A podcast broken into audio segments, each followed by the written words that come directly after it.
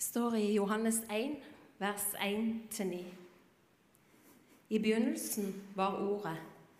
Ordet var hos Gud, og Ordet var Gud. Han var i begynnelsen hos Gud. Alt er blitt til ved ham. Uten ham er ikke noe blitt til. Det som ble til i ham, var liv, og livet var menneskenes lys.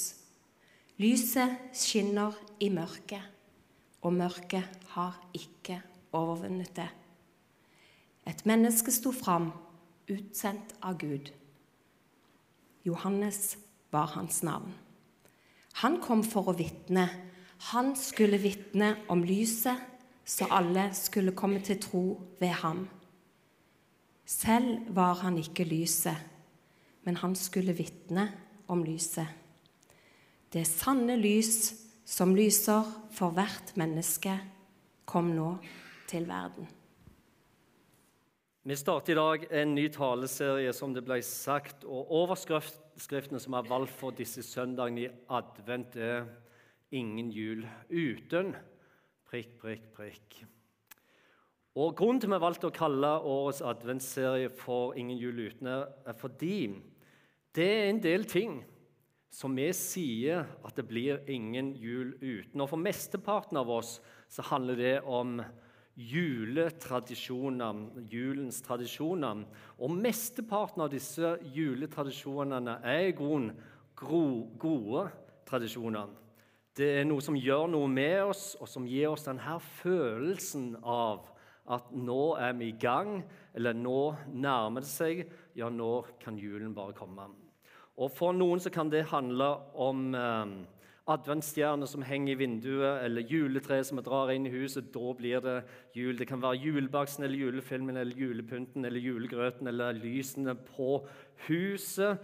Det kan være adventskalenderen eller det kan være julemusikken. Og For noen igjen så er det sånn at de sier det blir ikke noen jul uten pinnekjøtt eller ribba eller juletorsken eller Grandiosaen eller grøten eller hva det skulle være. Eller som jeg hørte en som nylig sa nå i denne her uka her, at han bare var nødt til å få med seg en runde av veien til Betlehem. For det blir liksom ikke noe jul uten å ha sett veien til Betlehem. Noe jeg umiddelbart tenkte at det der, det er en god juletradisjon.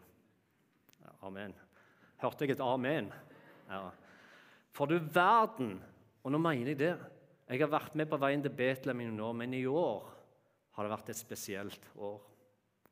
Det er flott hvert år, men i år har det vært noe spesielt over veien til Betlehem.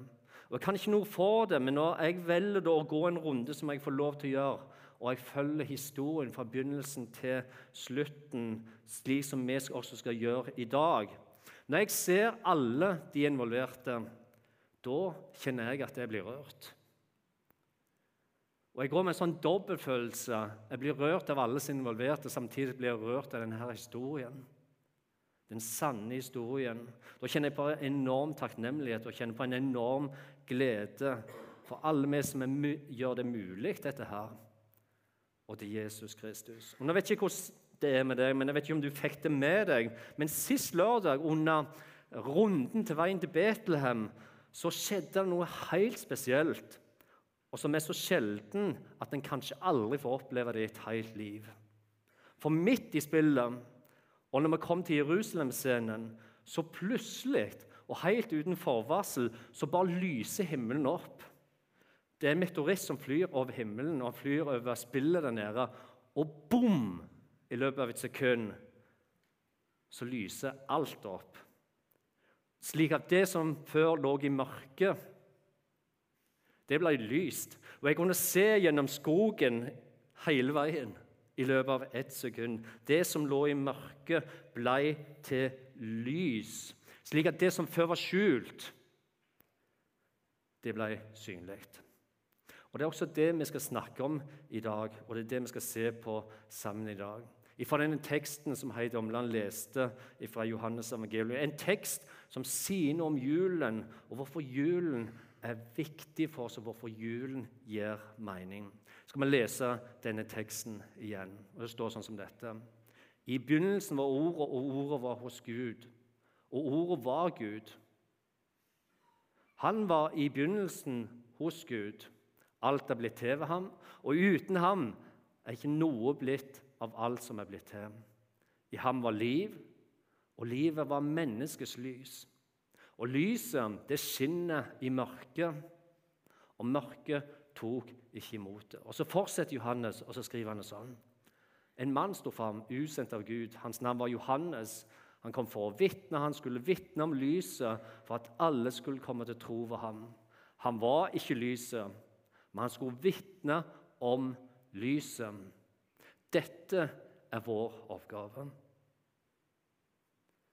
Det sanne lys som opplyser hvert menneske, var i ferd med å komme til verden. Og Det vi skal gjøre i dag, er dette. Vi skal ta ut noen hovedpunkter i denne teksten. Tre hovedpunkter. Og Det første som vi skal se på i dag, er dette her. Det er begynnelsen og ordet. Det andre vi skal se på, er lyset og mørket. Og det tredje vi skal se på, er prisen og æren. Og Vi skal starte med det første av teksten, som er begynnelsen og ordet. For Når Johannes skriver, så skriver han sånn som dette her. I begynnelsen var ordet, og ordet var hos Gud, og ordet var Gud. Han var i begynnelsen hos Gud. Alt er blitt til ved ham, og uten ham er ikke noe blitt til av alt som er blitt til. Hva er det Johannes gjør da? Jo, Da refererer Johannes til Jesus Kristus, som er ordene. Og Samtidig han, samtidig som han sier Jesus Kristus ordene, så refererer Johannes også til de første ordene i Bibelen som beskriver hvordan jorden ble til, og hvordan alt ble skapt. Det står sånn som dette. I begynnelsen skapte Gud himmelen og jorda. Og jorden var øde og tom. Mørket lå over dypet. Og Guds ånd svevde over vannet. Da sa Gud, det skal bli lys. Og det ble lys. Og Gud så at lyset var godt, og Gud skilte lyset fra mørket. Om du så leser videre i første Mosebok, så vil du se at historien den fortsetter med at Gud fyller jorda med fjell, med hav, med tre, med blomster, dyr, fugler og fisker og alt liv, før han til slutt skaper mennesket i sitt bilde. Og han lar mennesket og her er et poeng, og dette er et kjempeviktig poeng. Han lar mennesket leve i en paradis av en verden. En verden der mennesket var mottaker av Guds godhet og velsignelse dagen lang. Et paradis av en verden der det ikke fantes noe ondt, ingen lidelse, ingen strev, ingen byrde. Et paradis av en verden. Om du så blar noen få sider lenger fram i Bibelen, så vil du se at mennesket så blir fristet av djevelen til å tro at de sjøl kunne være som Gud. At de sjøl kunne bestemme rett fra galt, og sjøl kunne dømme mellom hva som var godt for dem, og hva som var det onde. Og Om vi skal dra det ned dette ordet synd til noe, og hva synden er, så kan vi si at syndens essens er et opprør mot Gud. At vi ignorerer ham og behandler ham som om han ikke eksisterer. Og Det er også dette som gjør at synden får konsekvenser for oss alle. Det er dette som gjør at vi får dette skillet mellom menneske og Gud. Og Det er også dette som er grunnen til at Jesus kom. John Charles Ryle, som var biskop i Liverpool på slutten av 1800-tallet, han skrev det en gang sånn som dette. Synd er i sannhet den hardeste av alle tuktemestere. Elendighet og skuffelse underveis fortvilelse og helvete til slutt, det er den eneste lønn synden gir sine tjenere. Men hvorfor skriver John Charles det slik, og hvorfor sier jeg dette i dag? Jo, fordi konsekvensen av menneskets ulydighet og opprør mot Gud var at de mista et paradis av en verden og fikk et verden fullt av mørke. som per definisjon er fravær av lys. Uten det skapte, det som gir liv. Her for noen år siden så var jeg på tur, nei, for noen uker siden så var jeg på tur til USA. og Da havnet jeg i prat underveis der med en som lurte på dette med evigheten. Hva jeg virkelig mente om evigheten. Han fikk vite jeg var pastor da. Om jeg virkelig trodde at det kun fantes to utganger av dette livet her. Og det er ikke det at jeg svarte han, for det gjorde jeg. Men det jeg i grunnen hadde mest lyst til å si, som jeg kom på etterpå, var at selv om jeg er pastor, eller selv om jeg hadde vært en av verdens mest kjente predikanter, konge eller president, eller hvem som helst, så betyr i grunnen ikke min mening noen ting. Hvis ikke jeg velger det samme og tror det samme og sier det samme som Gud sier. Så det rette spørsmålet her er i grunnen ikke hva jeg mener, eller hva hvem som helst mener, men hva Guds ord sier, og hva Guds ord mener. Fordi når alt kommer til alt, så er det det ordet vi en dag skal møte ansikt til ansikt. Ikke hva jeg mener, ikke hva konge mener, ikke hva presidenten mener, eller hvem som helst, men det ordet som er Jesus Kristus. Og hva mener jeg med dette? Jo, det mener jeg dette. At julen og julens budskap det viser oss at Gud valgte å gå til det ytterste i sin fornedrelse og sin lidelse. Han steg ned i mørket, han tok på seg vårt strev og våre byrder, våre synder og vår død. Han fortjener alene respekt og lydighet vår takknemlighet og vår tilbedelse. Og Med dette så sier jeg ikke at vi ikke kan ha spørsmål om ting vi lurer på og ikke forstår, for det har vi alle. Men når det kommer til de grunnleggende ting i teologien vår og i troen vår, da er Hans ord som vi en dag alle skal møte. Ikke hva andre mener. Jesus han er begynnelsen han er ordet, og han er det avgjørende ordet. Og dette her er veldig viktig. At løftene han har gitt, og det han har sagt, det kommer til å skje. Som leder oss til det andre vi skal se på fra teksten i dag, som er lyset og mørket. For når Johannes skriver videre i den teksten som vi leste i dag, og han kommer til vers 4, så skriver han dette. I ham var liv, og livet var menneskets lys. Og lyset skinner i mørket, og mørket tok ikke imot det. Nå kan det være at du vet det, men, um, men uh, sånn som det er med meg, da, så er jeg gift, og jeg har tre barn. Jeg er gift med Lene, som sitter der nede, og jeg har tre barn. Og slik jeg er skrudd sammen, da Og her er vi forskjellige, og det vet jeg, men slik jeg er, så har jeg grudd meg, og jeg gruer meg til den dagen når barna våre skal flytte ut og forlate mamma og pappa sitt all inclusive hotell. Og Grunnen til at jeg gruer meg til det, er fordi jeg syns det at det er i grunnen en forferdelig ordning at barna skal flytte ut.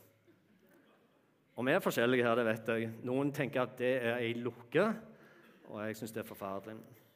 Og Grunnen til at jeg syns det er forferdelig og litt vondt, er fordi jeg vet at nå skal de stå på egne bein og ta sine egne valg, og det er ikke alltid så enkelt. For om jeg skal være en god pappa, da, så må jeg gi dem friheten å tillate og respektere og akseptere at de også skal få bestemme og ta sine egne valg for sine egne liv. For når alt kommer til alt, så er det sånn at de må velge sjøl. Jeg må velge sjøl. Og de må stå for sine valg, akkurat som jeg må stå for mine valg. Gud er en god far. En god far som elsker sine barn, og som gjør alt som står i hans makt til å lede dem, lære dem, vise dem hvordan de skal håndtere valgene sine. Og samtidig så er han en god far som gir friheten til sine barn og respekterer valgene sine barn tar. Og vi ønsker han i livet, eller om han ikke ønsker hans i livet. Han respekterer det. For han tid, han er en god pappa. Jesus han sier jo sånn som dette her. Jeg er verdens lys.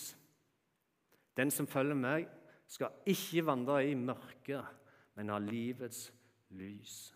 Om du leser i Bibelen, og når du leser om de menneskene som faktisk så og møtte Jesus, så reagerte de aldri med å sier at Jesus var en god mann med mange gode perspektiv, inspirerende å høre på. Ja, her er det mange gode poeng å ta med seg. De sa aldri det.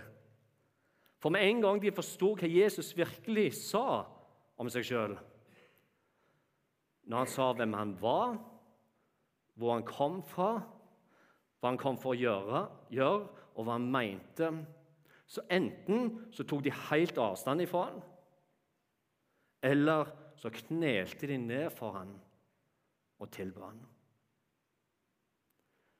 Og På samme måte så kan vi si det om lyset og mørket.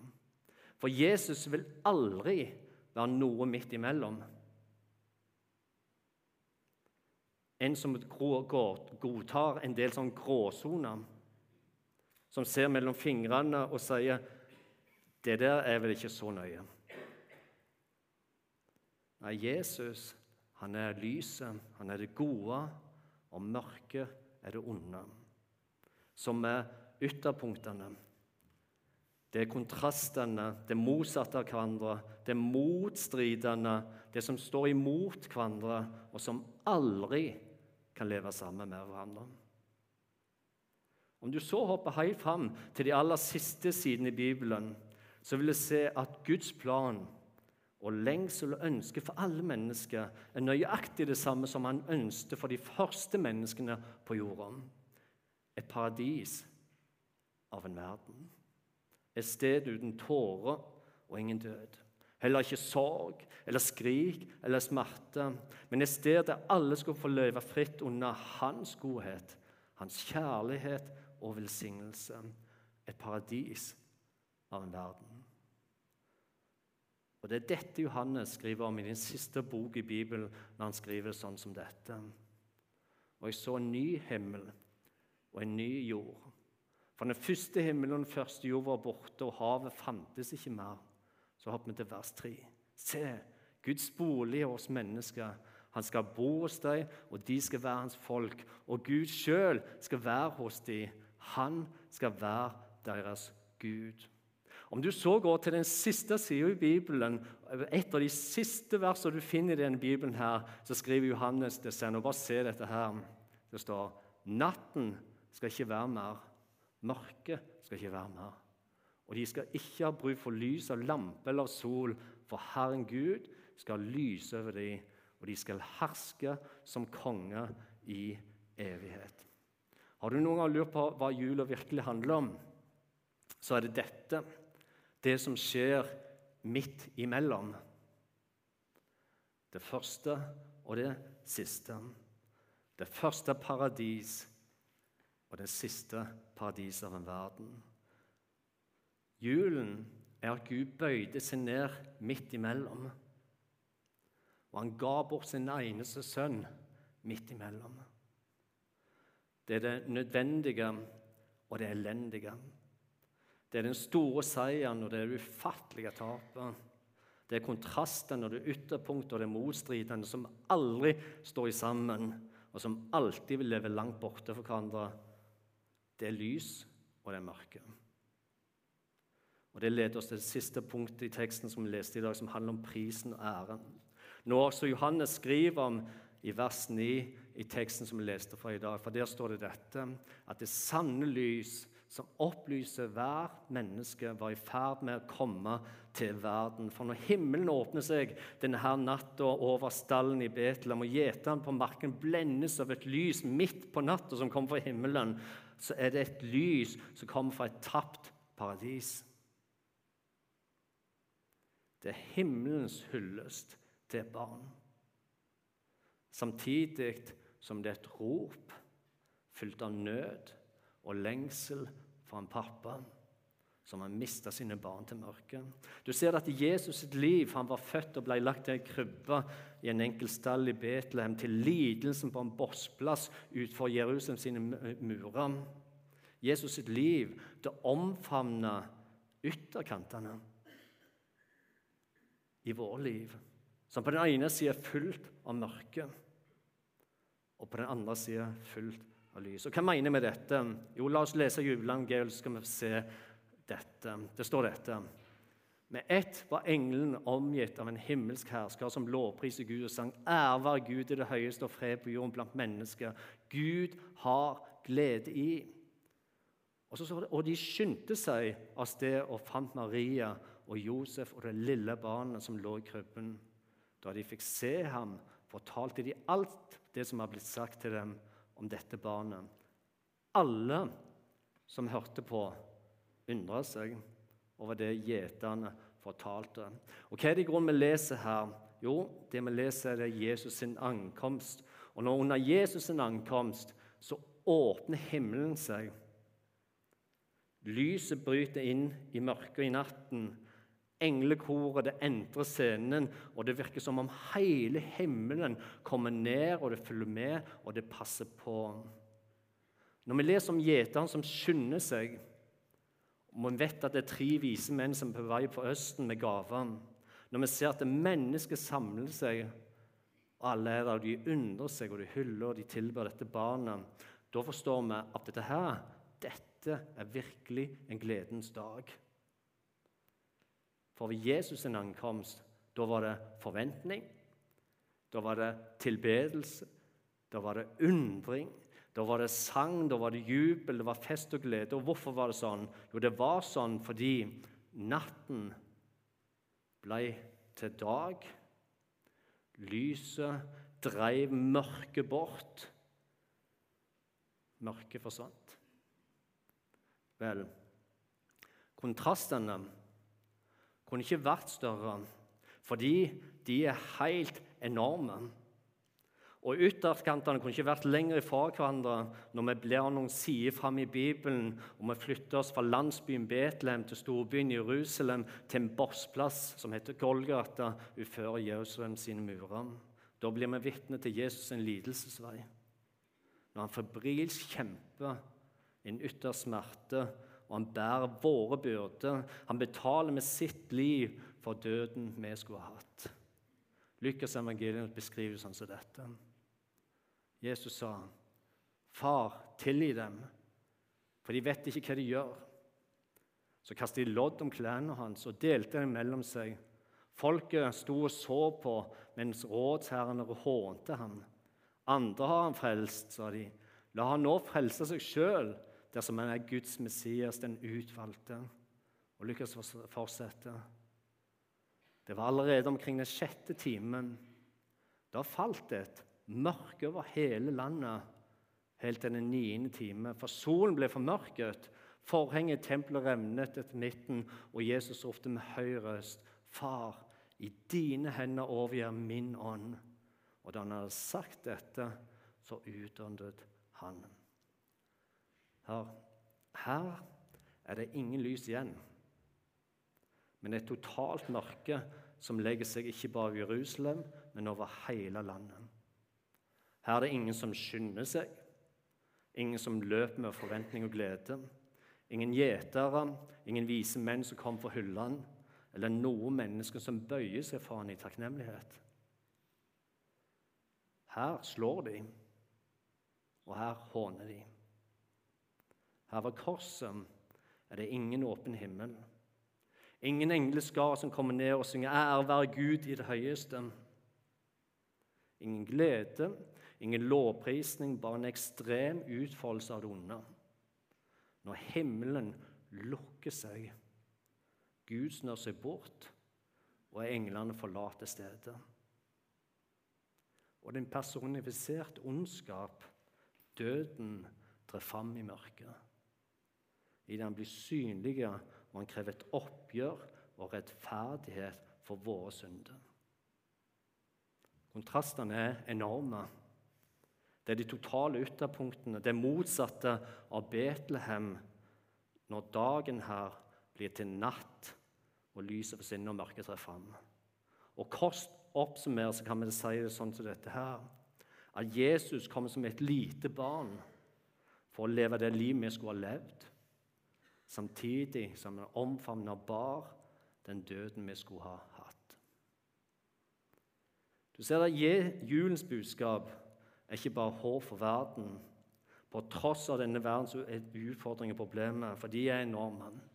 Men julens budskap er også håp for deg og meg, på tross av alle våre uendelige feil, mangler og mangler.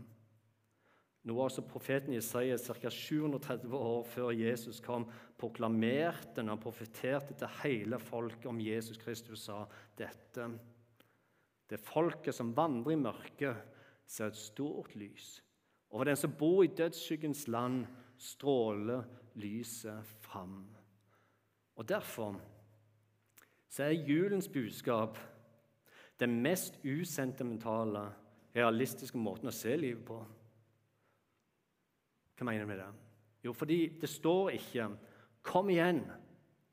Vær positiv og stram deg opp. For hvis vi bare alle velger å stå i sammen, så kan vi gjøre dette, denne plassen her, denne verden til et bedre sted. Det står ikke det. Og Samtidig så gir Bibelen oss aldri noe råd om å være likegyldig når det kommer til krefter. Den kristne troen er ikke enig med optimistiske tenkere som sier at vi er alle gode nok og kan fikse dette her sjøl hvis vi bare prøver hardt nok. Og Samtidig så sier Bibelen heller ikke noe om at han er enig med pessimistene som kun ser for seg en dystopisk framtid som betyr at alt håp er ute. Julens budskap er isteden at ting faktisk er så ille at vi på ingen måte klarer å fikse eller helbrede eller redde oss sjøl.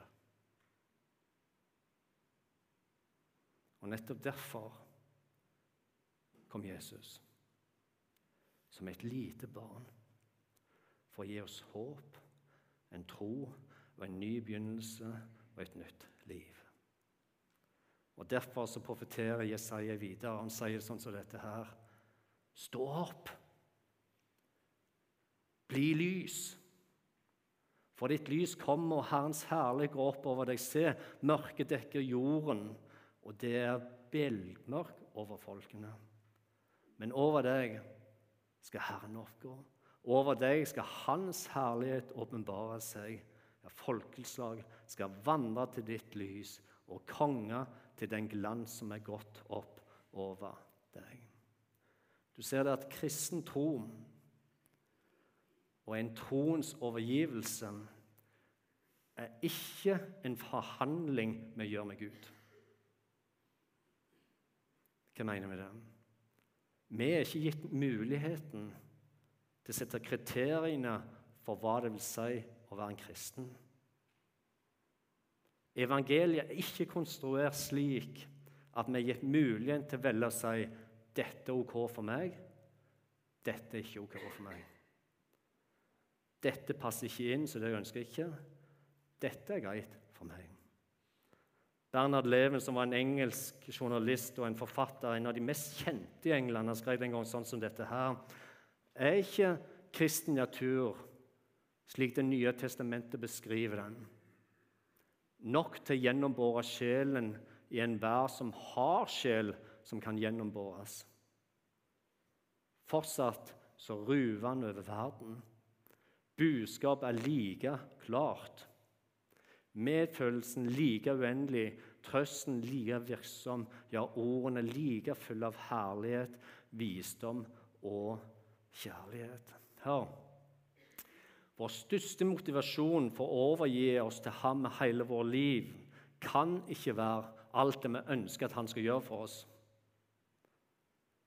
Vår største motivasjon må komme fra kjærligheten og takknemligheten til han for det han allerede har gjort. Og Jeg sier ikke at vi ikke skal be om eller at han skal velsigne oss, for det er bibelsk, og det er rett. Men samtidig har han ikke gjort nok.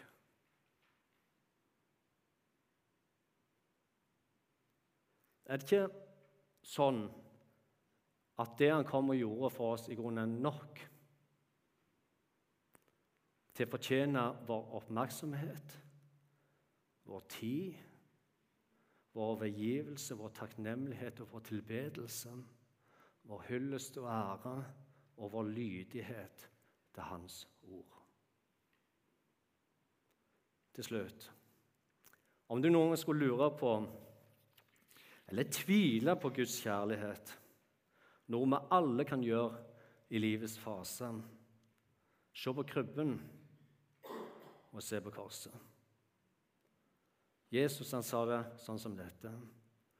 Ingen har større kjærlighet enn den som gir sitt liv for vennene sine. Og Det var dette Jesus kom ned for å gjøre. Drive bort mørket for et dyrebart vennskap. Ja, han sa det til meg slik som dette. Jeg kaller dere ikke lenger tjenere. For tjeneren vet ikke hva Herren hans gjør, sånn som det er med deg. Jeg kaller dere venner. For det jeg har gjort kjent for dere, alt jeg har hørt av min far. En far som elsker oss så høyt at han ga sin eneste sønn for hver den som tror på Han, ikke skal gå fortapt, men få evig liv. En god far som respekterer våre valg, som aksepterer at vi tenker ulikt. Men dette er veien å gå. Dette er veien å gå til Han, han som er begynnelsen og slutten, alfa og mega, lyset som skiller mørket bort. Han som kom ned midt imellom det første paradis og et paradis i himmelen. Amen. Ja, det skal vi be sammen til slutt. God Far i himmelen, vi takker deg for din nåde og din evige kjærlighet. Takk for at du valgte å komme ned, og takk for at du bøyde deg ned til oss slik at vi skulle få lov til å møte deg igjen ansikt til ansikt. Takk for advent og takk for julens historie, Herre. Takk for lysen og for freden og for livet og en ny begynnelse, Herre. Må du minne oss om og hjelpe oss slik at vi ikke fyller vår liv og vår tid med alt det som er godt men som allikevel tar plassen ifra det beste. For du, og du alene, fortjener vår tilbedelse og vår hyllest, vår tillit og vår hengivenhet. Vår tilstedeværelse og vår oppmerksomhet her er du alene. Takk for ditt ord, og takk for ditt lys, som viser oss veien, og som leder oss hvor vi skal gå, og hvor vi ikke skal gå, slik at alle en dag skal komme trygt hjem til deg.